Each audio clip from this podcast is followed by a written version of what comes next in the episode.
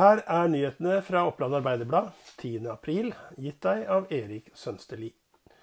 Politiet melder at det har vært en del klager på råning i Vest-Oppland og i Innlandet skjærtorsdag kveld og natt til eh, langfredag.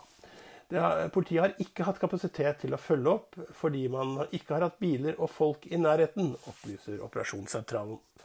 Klagene har gått på støy, en del uro, eh, med mange mennesker samlet. Et av stedene hvor rånerne var samlet og publikum klaget, det var ved Mjøstranda på Mjøvik.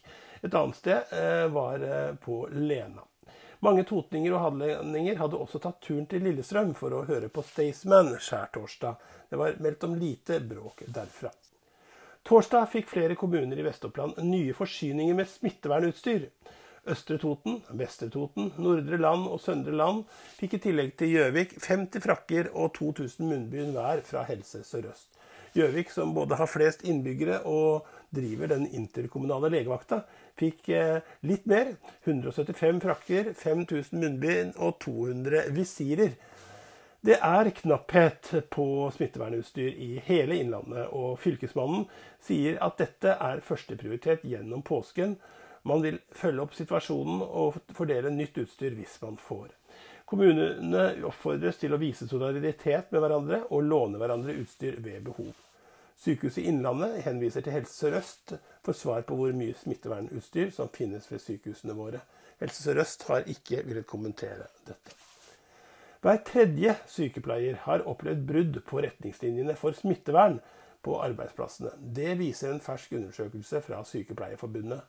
Dette er et for høyt tall, og det er alvorlig, sier Linn Lill Sverresdatter Larsen i Sykepleierforbundet til TV 2. Nesten 2000 sykepleiere har deltatt i undersøkelsen, og helseminister Bernt Høie reagerer på tallene fra undersøkelsene og presiserer at slik skal det ikke være. Det er uklart hvordan statistikken slår ut for Sykehuset Innlandet. Sykehuset har valgt å være tilbakeholdne med å gi ut opplysninger om virksomheten under koronaepidemien. Det blir få muligheter for å nyte en kald utespils i sentrum i påsken av våre tettsteder. Men flere av byens utesteder har alternative planer. De fleste utestedene i Gjøvik holder midlertidig stengt for å begrense spredningen av koronaviruset. Ehm, og for mange betyr det ansatte er permitterte og uten jobb. Men det er noen som holder åpent. Blant disse er Kalles Corner i Gjøvik. Og utestedet Heim er blant de som har begynt å kjøre ut mat og takeaway. Og mange de velger også å legge ut turen i det fine været i påsken. Det var et tilfelle på skjærtorsdag. Da tok OA turen til Skomsjøen og fant eh, mange som prøvde fiskelykken. Den kjente møbel- og interiørmannen og designeren Frank Kiel på Gjøvik var ute med sin familie og venner og hadde med seg både pilkestikker og Margot, Margot ute på Skomsjøen. Eh, foreløpig er det bare blitt en abbor, men den slapp ned i hullet igjen, fortalte Kiel da OA var innom. På oa.no kan du se en stor bildekavalkade over alle de som vi traff ute på skjærtorsdag.